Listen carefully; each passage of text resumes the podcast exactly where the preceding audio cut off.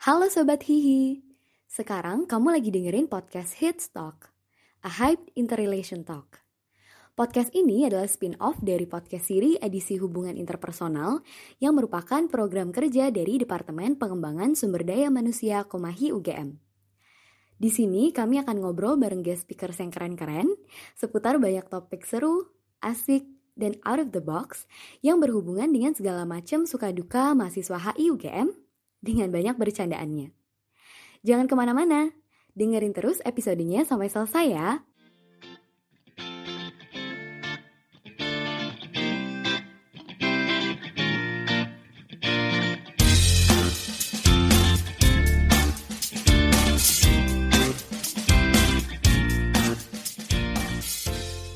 Halo Sobat Hihi, kembali lagi dengan episode terbaru dari Hitstop. Kali ini dengan aku Mariola, mahasiswa HI UGM Angkatan 2019. Nah, kali ini kita akan berbincang dengan gestar kita, Kak Enjita Sentana, alumni HI UGM Angkatan 2016, dan Kak Akbar Rumando, alumni HI UGM Angkatan 2014. Uh, mungkin kalian mereka, lebih mengenal mereka sebagai personil dari band Girl Gang. Halo Kak Enji dan Kak Akbar, boleh tolong say hi dulu nggak buat audiens? Halo. Hai. Sorry. Um, Oke, okay. seperti uh, yang kalian tahu, uh, mereka adalah personel dari band Girl Gang dan hari ini kita akan membicarakan tentang pengalaman mereka sebagai mahasiswa HI yang sekaligus menjadi musisi. Seperti yang kita ketahui, umumnya anak HI memiliki stereotip sebagai mahasiswa yang sibuk berkecimpung dengan hal yang berkutat di arena akademik. Namun pada nyatanya mahasiswa HI sangatlah plural dan sesungguhnya banyak juga mahasiswa HI UGM yang tertarik dengan musik dan seni. Sebelum bicara lebih lanjut, yuk kita kenalan dulu dengan Girl Gang. Uh, mungkin dari Enji dulu. Kapan dan gimana Girl Gang bisa terbentuk hingga mencapai kesuksesan saat ini? Oke, okay, uh, jadi Girl Gang was formed in August 2016 when I was still a freshman di HI UGM. Terus waktu itu aku lagi uh, aku ketemu Akbar di well we did not like officially meet on campus cuman kayak waktu itu aku I was um, recruited into joining this music collective namanya Terror Weekend which Akbar is part was a, is a part of gitu.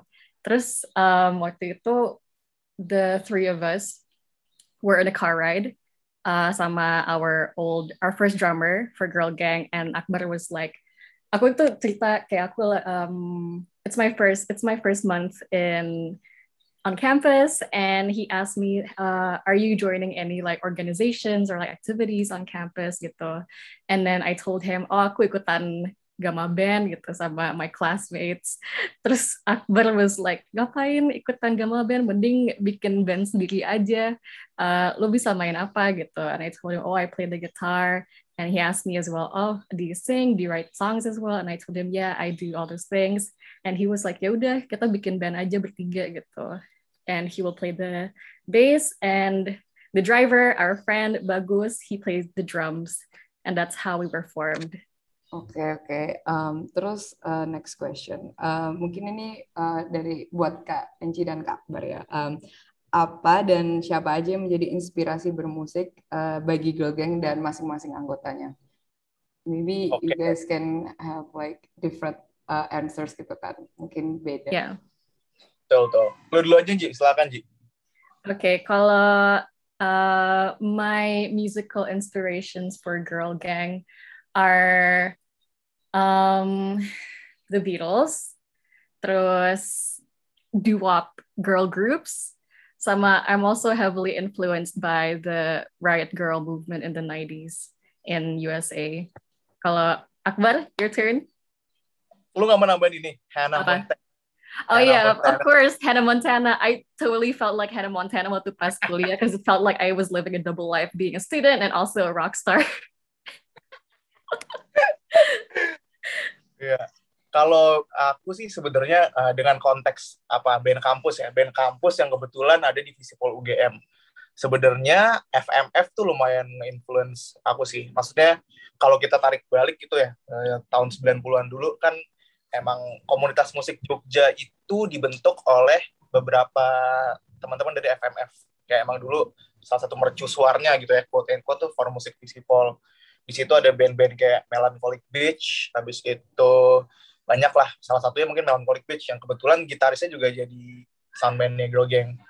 Nah berawal dari sana sih uh, di forum musik festival bikin acara bikin event ketemu orang-orang yang emang fokus di musik. Ya mereka mereka itu akhirnya jadi salah satu orang yang influence aku akhirnya bikin band sama Angie juga gitu karena emang kayak banyak dulu ya FM salah satu yang salah satu yang ini juga salah satu yang terdepan juga gitu loh buat inovasi-inovasi baru di scene musik Jogja dan sebelum akhirnya aku ngajak Enji bikin band pun emang banyak ngobrol sama mereka-mereka itu itu mungkin mereka lah salah satu orang-orang yang influence aku untuk bermain musik itu pada akhirnya. Oke okay, oke, okay, I see. Did you also feel like Hannah Montana atau itu Enji aja?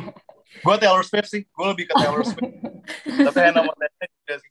Kayak siapa yang gak suka Hannah Montana? Kalau lu punya TV kabel pas kecil. Iya iya iya. Oke oke. Um, next question. Um, genre musik apa yang sedang uh, atau akan direpresentasikan oleh Girl Gang dalam perjalanan karir musiknya? Susah sih. Kalau Girl Gang soalnya aku Angie dan Edo tuh kita uh, berangkat dari background yang berbeda-beda ya. Kayak Edo gitaris kita yang sebenarnya anak anak ini anak FEB ini.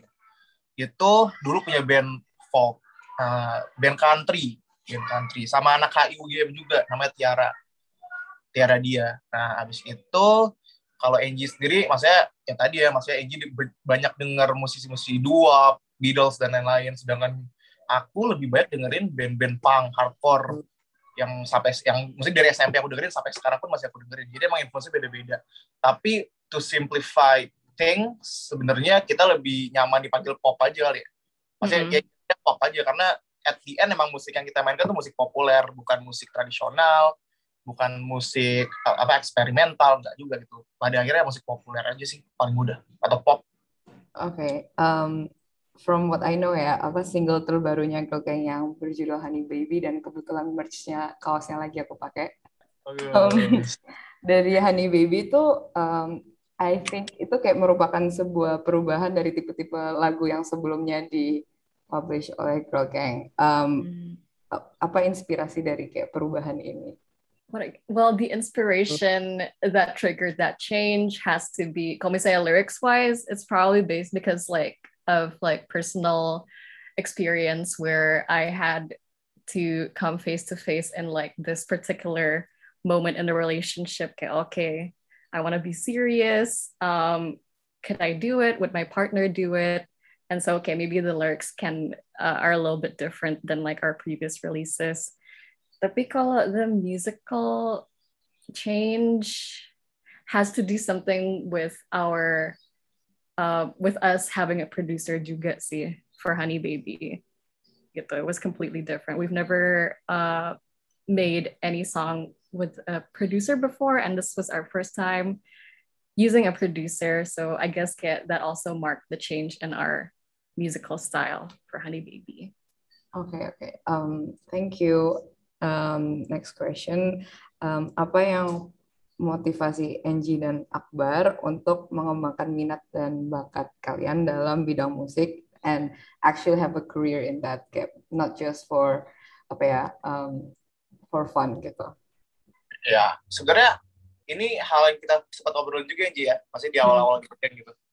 Uh, terutama setelah kita sebelum kita melakukan tour ke 22 kota yang akhirnya menyebabkan gua dan Enji telat lulusnya jadi itu 22 kota tuh bikin aku sama Enji akhirnya telat lulus uh, tapi sebenarnya kalau secara skill memang menurut aku sendiri gitu Edo dan Enji terutama ya emang secara musikalitas tuh ya ya sangat baik gitu. Edo mungkin musiknya, Angie secara lirik uh, aku rasa di Indonesia pun salah satu penulis lirik terbaik sekarang gitu pada masa ini. Jadi sebenarnya itu akhirnya bukan milih ya, tapi maksudnya kita tahu ada potensi di sana, kita tahu cara mem, apa membungkus potensi itu untuk sesuatu yang bisa dinikmati semua orang gitu. Banyak orang ya akhirnya ya why not? Maksudnya buat apa gitu? Ini kan sayang kalau misalkan disia-siain aja. Pertama hmm. itu. Kedua emang kita pada akhirnya suka sih melakukan apa yang kita lakukan sekarang. Simpel itu sebenarnya apa kalau setuju sama yang Akbar omongin tadi Angie atau I totally agree sama I feel like the first turning point kayak oh we can really we really do have like a huge potential here was after our first Southeast Asian tour on July 2018. That was like the first tour we had internationally before our like official official EP tour in October that same year gitu sih. I remember kita waktu itu lagi di uh, parkiran IKEA lagi um, nge-beer and having pizza kalau nggak salah. And then uh, we were like, dude, like that tour was fun. I think we should totally like go along with this gitu That's like the first turning point. Okay, okay. We should make this into a serious thing, I guess gitu. As you mentioned tadi tour keliling ke 22 kota, you had like an international tour juga. Terus apa? And also kayak I think when I aku kan beberapa kali datang ke uh, your guys performance. Terus I went mm -hmm. to WTF and your guys performance there itu kayak keren banget sih menurutku. But di mana? Thank you. Di WTF oh iya. Itu keren. Gue juga mengaku itu keren sih. So, I guess uh, aku mau nanya apa apa pengalaman paling mengesankan dan rintangan terbesar uh, Girl Gang selama berkecimpung di industri musik? Kalau the challenge that we face so far is like is like it's kind of hard for people to take us seriously. Ya nggak sih? Apalagi di acara-acara gede gitu, especially kayak maybe they the way I see it is like they're undermining us just because we're a Jogja band gitu loh. Ya, ya, ya. Itu bener sih. Buk mungkin bukan di underestimate ya, tapi memang uh, terkadang uh, band dari Jogja gitu ya. Emang uh, treatmentnya agak beda lah gitu. Maksudnya mereka yang rasa kita band ya band luar kota yang mungkin secara industri nggak tahu apa apa dan lain-lain. Dan menurut gue itu ya udah maksudnya itu nggak perlu dipikirin banget. Tapi mungkin yang uh, cukup challenging sekarang itu adalah ya di masa pandemi ini aja ya. Mm -mm. maksudnya emang sekarang uh, shows lagi nggak banyak kita tour juga nggak bisa pun yeah. kalau kita ngomongin apa uh, on a business scale sendiri kita ketika kita ngeluarin sesuatu misalkan merchandise atau kita ngeluarin uh, album gitu emang buying power orang-orang tuh nggak sebesar dulu sebelum pandemi uh, financially emang itu mungkin salah satu challenge ya sekarang mm -hmm. tapi secara apa secara image memang yang Enji bilang uh, barusan juga benar gitu emang uh, agak susah kita melakukan positioning di industri musik gitu sebagai band Jogja. Saya sejauh ini menurut menurutku berhasil sih Shalon Seven ya. Mas Shalon Seven ya beran Jogja yang bisa hidup dari musik gitu ya. Tapi menurut uh, menurut itu challenge yang baik juga sih dan emang mungkin girl gang tuh uh, harus memutarbalikkan fakta itu gitu kayak maksudnya kita kita band Jogja baru anak-anak muda tuh bukan berarti kita gampang di apa gampang dimain-mainin juga gitu. Buat dari kita tahu juga. Itulah kurang lebih. Mungkin menarik juga kayak gimana kalian tuh dilihatnya sebagai band Jogja meski kalian bukan asli dari Jogja gitu. Only Edo, our guitarist is from Jogja. Ya, yeah, yeah. the others are not gitu kan, tapi tetap yeah. di, di treatnya sebagai band dari Jogja gitu. And um, uh, tadi apa nanya tentang apa namanya biggest challenge, maybe like the most apa ya uh, hal yang paling mengesankan gitu selama berkarir kayak biggest accomplishment kalian, uh, maybe apa namanya beda-beda kan kayak uh, as yeah. individuals gitu. Ya, lu Anji the biggest accomplishment, in my opinion, that we've achieved so far as a band is playing in performing in South by Southwest, even though it's online, but it was still um, a great opportunity for us because oh, also okay, uh, being signed to an English independent label called Damnably really opened us a lot of doors and like um, it's nice that we get to like break into the international market juga gitu through that one. So those are the two biggest accomplishments we've made sih for me. How about you, Bar? Kalau aku sebenarnya uh, salah satu yang uh, tour sih sih. Maksudnya tour tuh yang 22 kota itu uh, buat aku tuh suatu hal yang mungkin dulu gitu sebelum ngeband kayak ngeliat band tour tuh kayak suatu yang kayak wah gila ya masih bisa tour, lu bisa ketemu orang banyak, bisa main di berbagai kota yang berbeda gitu kan dan saat akhirnya Girl Gang melakukan tour itu salah satu accomplishment buat aku sendiri sih pribadi. Dan ditutup dengan showcase di Jogja. Itu juga itu seru banget ya masih akhirnya so fun. Uh, setelah 22 kota kita muter-muter-muter-muter sampai Sulawesi dan lain-lain kita balik ke Jogja kita bikin showcase di Jogja National Museum. Itu dengan konsep kita ya. Kayak kita ngajak cheer apa cheerleaders waktu itu bikin piramid hmm. di panggung gitu-gitu itu gila sih itu seru banget dan yang maksudnya nggak nyangka aja uh, ternyata bisa uh, girl gang bisa sampai ke tahap itu gitu. And the fact that we did that during college is also pretty impressive sih in my opinion. Betul betul betul betul. Oke, okay, since kalian berdua um, I guess uh, anak HI UGM, uh, menurut kalian ada nggak sih kayak kontribusi ilmu yang dipelajari di HI ke karir kalian atau kayak inspire your music atau apa gitu? Kalau um, Akbar, I'm pretty sure Akbar is gonna say diplomacy sih. Iya enggak? Ya kan? Thanks, jadi thanks to Mas Yudi gitu. Kita dulu sama Pak Rizal. Yeah. Oh, iya. Yeah. Uh-uh. Rest in peace. Pak Rizal. Yeah, rest in peace. Gitu. Do you want to elaborate? No, you elaborate on it because like okay. that's your that's your that's your thing. Ya sebenarnya ya kalau karena sebenarnya sekarang aku juga juga kantor gitu ya pada akhirnya ya kalau kita udah berhubungan sama orang memang skill-skill diplomasi tadi yang kita pelajari di kampus tuh emang selalu kepake gitu. Maksudnya kayak mungkin di kelas diplomasi kita diajari nih uh, stakeholder A itu uh, sifatnya seperti apa dan biasanya output yang mereka keluarkan itu apa? Entah di media entah uh, hubungan orang itu terhadap negara lain stakeholder negara lain dan lain-lain. Nah uh, di band pun sebenarnya sama. Kayak maksudnya kita kan sini berhubungan sama banyak orang ya. Mulai dari IO band lain pastinya, terus label dari luar negeri, dari dalam negeri, uh, dari kota lain dan lain-lain di mana uh, mereka-mereka ini tuh memiliki gaya yang berbeda-beda, mulai dari, cara berjualannya, apa uh, bisnis prosesnya, habis itu berkomunikasinya, sampai hal-hal lainnya tuh berbeda-beda. Dan biasanya di kelas diplomasi kita diajarin kan, bagaimana kita nge-assess uh, seseorang gitu secara framework ya mungkin nggak sama apa nggak direct kita diajarin seperti itu. Tapi secara framework kan pasti kita paham kayak semua orang berbeda-beda mereka punya tujuan yang berbeda-beda mereka punya apa mereka punya uh, goals yang berbeda-beda gitu. Dan ya benar masih di band-bandan juga seperti itu. Dan pada akhirnya gimana caranya kita bisa mengalignkan semua itu agar ya menjadi uh, kesejahteraan bersama. Tapi gue sebenarnya pas di kampus gue realism gitu. Kayak gue nggak percaya apa nggak nggak power hungry gitu-gitu ya. Lumayan, lumayan. Bukan gue band girl gang jadi band terbesar di dunia. Cie. World domination. World domination. World domination, bro. Um, Tapi then again, like uh, if you think about it, we also apply like liberalist approach in like in terms of like cooperation and stuff gitu gak sih? Kayak with like our ASEAN counterparts, the bands from there, the communities there gitu. Ya gak sih, Bar? Iya, kita sering kan? kalau sama teman-teman kita di negara apa di negara ASEAN ya. Iya. Yeah. Yeah, we are better than ASEAN, bro. Kayak, we are we are the real ASEAN. Gitu, yeah, ASEAN cooperation truly. ASEAN cooperation, kita beneran nih, gitu deh, bercanda-bercanda sama mereka. Oke, okay, uh, tadi kan uh, Akbar mention tentang uh, FMF dan sebenarnya aku mau nanya sih, apakah menurut kalian lingkungan di kampus tuh udah bisa memfasilitasi minat dan bakat mahasiswa yang berminat di bidang musik? Um, hmm. Mungkin Akbar bisa elaborate. Sebenarnya selalu apa ya, kayak kesempatannya selalu ada sebenarnya. Maksudnya ya di FMF tuh dulu gitu, betul tahun 90-an sampai sekarang FMF masih ada kan.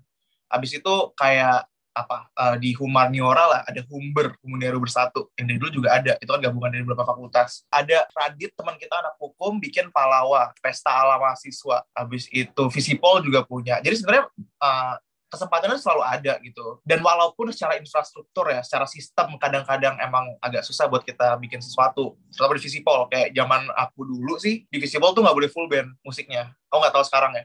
Tapi dulu nggak nggak boleh pakai drum gitu lah. Saya emang agak agak opres juga dikit gitu. Tapi pada akhirnya sih yang dibutuhkan tuh orang yang mau aja. Maksudnya yang, yang mau yang willing to move gitu lah. Maksudnya willing to make something di lingkungan kampus. Karena sebenarnya kesempatannya banyak banget dan hmm. emang kalau aku sih apa ya kita nggak bisa nunggu nggak bisa kita kayak nungguin orang maksudnya kita harus jemput bola juga maksudnya oke okay lah mungkin di kampus tuh banyak boundariesnya, banyak batasannya, tapi bukan berarti kita nggak bisa gerak juga kan. Nah sebenarnya kalau aku lebih kayak gitu, kayak kesempatannya selalu ada, ruangnya selalu ada, walaupun terbatas, tapi orang yang mau gerak ini ada apa enggak?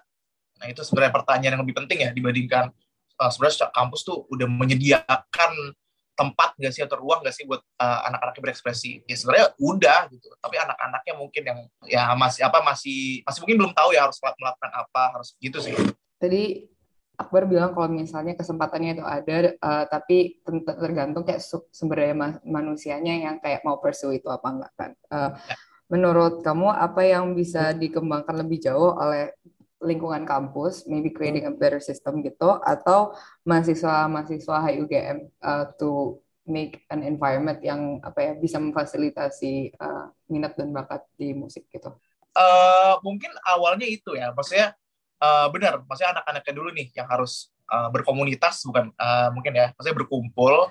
Komahi itu sebenarnya salah satu uh, hal yang baik juga gitu kan, maksudnya ngumpulin anak-anak dengan dengan interest yang sama gitu kan itu itu bagus juga terus FMF apalagi maksudnya forum musik festival fokusnya di musik lah ya kan jadi sebenarnya secara secara jalur udah udah tepat sebenarnya. Tapi yang harus apa? Yang harus diperhatikan juga tuh konsistensinya sebenarnya. Jadi oke okay lah mungkin kita udah ngumpul kita udah apa kita udah kumpul kita udah bikin sesuatu nah habis itu perpanjang tanganan dari itu tuh apa mau apa lagi nih setelah ini maksudnya nggak bisa uh, oke okay, kita udah bikin acara uh, rame party lah selesai uh, pulang terus udah gitu nggak dikerjain lagi nggak dilanjutkan. Itu nggak apa harus itu bukan suatu hal yang sustainable sih menurutku ya maksudnya oke okay, itu mungkin jadi benchmark bisa itu jadi pembuka jalan oke okay, gitu. Tapi setelah itu harus ada kelanjutannya. Dan harus dipikirin juga maksudnya setelah misalkan lulus gitu lulus kuliah ntar yang di bawah-bawah nih bakal seperti apa gitu. Walaupun bukan apa bukannya ntar malah jadi apa being bossy terus malah nyuruh adik-adik kelas kayak lulus ini ini enggak juga gitu. Tapi paling nggak frameworknya nih harus dikasih tahu lah diestafetkan lah ke anak-anak yang akan masuk lagi gitu. Ke orang-orang baru lagi yang mungkin bakal berproses juga di kampus. Oke, uh, tadi Akbar mention tentang apa namanya berkomunitas. Dan yang aku tahu juga ada kolektif-kolektif mahasiswa yang suka explore musik gitu dan bikin event. Uh, contohnya Terror Weekend um, yang tadi di mention Angie. And I heard uh, kalau misalnya you're one of the apa ya kayak orang yang bikin pertamanya gitu. Mungkin apa namanya aku mau nanya gimana ceritanya kok bisa bikin kolektif seperti itu dan mungkin boleh kayak dijelasin lebih lanjut. Iya. Nah sebenarnya Angie sama aku tuh berproses yang sangat besar di Error Weekend Angie. Yeah. Maksudnya beneran kita engage banget sama scene musiknya, terus uh, orang-orang di sekitar itu tuh di, uh, via Terror Weekend sebenarnya. Awalnya kenapa bikin? Jadi uh, balik lagi gitu, aku menemukan interest yang sama dengan beberapa orang. Dan kebetulan emang di Jakarta itu, aku aku dari Jakarta aslinya di Jakarta emang kita beberapa kali sering bikin acara dengan konsep serupa seperti Terror Weekend akhirnya kita pindah ke Jogja buat kuliah ya udah memang kita ngerasa saat itu ya saat itu memang yang sepantaran kita itu kok nggak ada pergerakan ya? Maksudnya biasanya acara-acara musik yang gigs-gigs uh, underground terutama itu dilakukan sama orang-orang yang mungkin udah 20 tahun atau eh, uh, 30 tahun berkecimpung di scene ini gitu. Dan itu bukan hal yang salah itu hal yang sangat baik sih menurutku. Aku juga belum belum bisa tuh kita nyampe ke posisi itu sekonsisten itu sampai uh, sampai sekarang ya mereka ya tapi dari itu pun kayak ya udah maksudnya emang mungkin udah saatnya anak-anak sepantaran aku dan Angie saat itu punya ruang kita sendiri nih dengan musik-musik yang kita suka konsep yang relate sama kita dan cara bersenang-senang yang memang biasa kita lakukan gitu di angkatan itu. Ya udah akhirnya aku kumpulin orang-orang dengan interest yang sama gitu termasuk Angie juga. Jadi Angie tuh pertama kali itu aku ajak justru uh, untuk gabung Terror Weekend sebelum bikin band. Ya udah akhirnya kita ngumpul kita bikin acara ya udah terjadilah terror weekend sampai sampai sekarang juga masih ada gitu walaupun sekarang itu terhambat sama pandemi ya. Tapi awalnya itu sebenarnya. Urgensinya itu saat itu. Kan tadi Kak Akbar juga mention tentang apa regenerasi dan juga apa namanya kan Kak Akbar angkatan 14 dan aku juga ada teman yang bahkan seangkatan sama aku juga ikut terror weekend kayak how to maintain regenerasi gitu di terror weekend. Kan Akbar juga udah lulus. Jadi lucu sih. Tapi salah satu cara kita kalau mahasiswa baru gitu ya maksudnya sebulan pertama biasanya uh, kayak aku 2014 terus kan anak uh, waktu itu 2014 tuh jarang di kampus lah. Uh, yang lagi sering di kampus tuh anak 2015 dan 16 awalnya kita assess dari kaos band ya Ji ya. Kampus kita cari anak-anak yang pakai kaos band yang kita dengerin juga bandnya gitu ya. Yeah. Habis itu kita tawarin tuh Terror Weekend. Mm -mm. So we're always like scouting with like really watchful eyes di San Siro di mana? gitu like as if we're like um scouting for people to join our cult gitu lah basically. Very thorough very regular juga on a regular basis. Yeah it was fun sih iya iya iya. Oke, itu lucu sih kayak you guys have like eyes gitu terus kayak merhatiin orang-orang. Yeah. their fashion style gitu. Terus kalau ngumpul gitu, maksudnya kayak misalkan satu orang mau ngajak orang lain, uh, dia bilang iya nih teman gue bakal apa, uh, kayaknya bisa diajak terror weekend deh. Pasti pertanyaannya gitu, emang kaos bandnya apa? Gitu. emang dia pasangan gitu. Oke, okay, um, oke okay, maybe uh, next question um, agak mundane sih, tapi kan tadi Angie bilang katanya dia kayak Hannah Montana gitu kan, living best of both worlds gitu. So yeah. uh, as a rock star dan sebagai uh, mahasiswa, so how did you manage to like balance the of both worlds in I did not know how to balance it due to be honest. Makanya aku telat dulu. but like um those dynamics were really interesting for me because like there were times where I didn't show up to class because uh, the previous day I had like a show gitu and went and lasted like until at night gitu and I overslept couldn't show up to class and stuff but um, it was really interesting because at that time okay, I never really considered myself as a musician nor did I consider myself as a student juga gitu so it was weird like I had like a minor identity crisis juga gitu at that time. Who am I really? It got philosophical. Yeah. Kalau Kak Akbar, salah. Kalau aku mungkin lebih ke kerjaan sekali mengantor ya. Maksudnya kan sekarang aku uh, karena kondisinya lagi seperti ini, akhirnya ya mau nggak mau kita ngantor dan emang band itu tetap ngeband, maksudnya tetap dijadikan uh, prioritas, tapi uh, sekarang ada kesibukan lain nih yang harus dipertimbangkan juga. Sulit sih memang pasti ya, Ji ya. Maksudnya kita nyari yeah. waktu tuh agak susah nih sekarang. Edo pun juga ngantor, gitaris kita kan.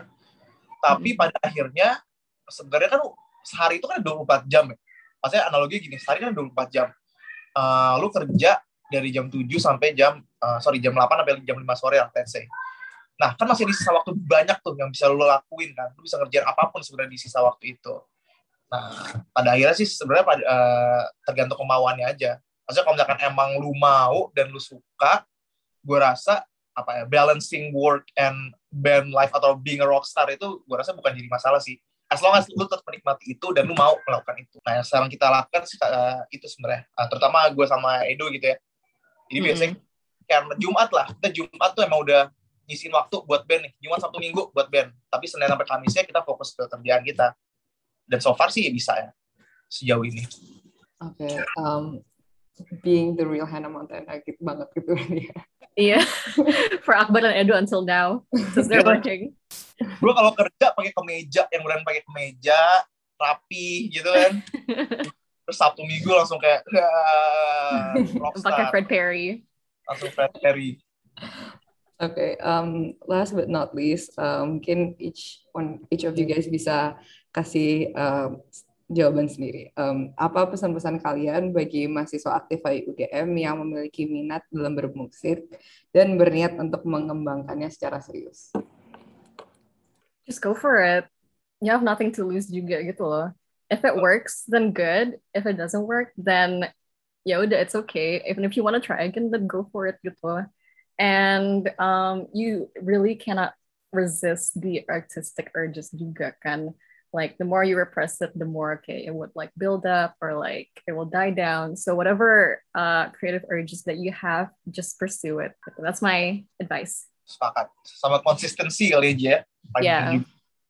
itu tadi maksudnya selalu melakukan itu semua sejauh apa lu bakal melakukan itu? Apakah cuma berhenti di sana doang? Maksudnya untuk uh, to feed your ego doang untuk berapa waktu apakah itu dan berlanjut nah itu lu sendiri yang bisa nilai. Tapi yang paling penting ya harus konsisten. Kalau udah jemplung lah nyemplung ke satu hal ya lu kelarin dulu nih sampai beres sampai lu beneran nggak tahu lagi mentok mau ngapain nah itu baru lu cari yang lain lagi. Oke okay, uh, eh, thank you Angie dan Akbar udah meluangkan waktunya dan bikin podcast ini buat kita. Uh, semoga sukses terus Sama buat kalian ya. Thank you Ola. Thank you guys. Thank you Komahi thank you Komahi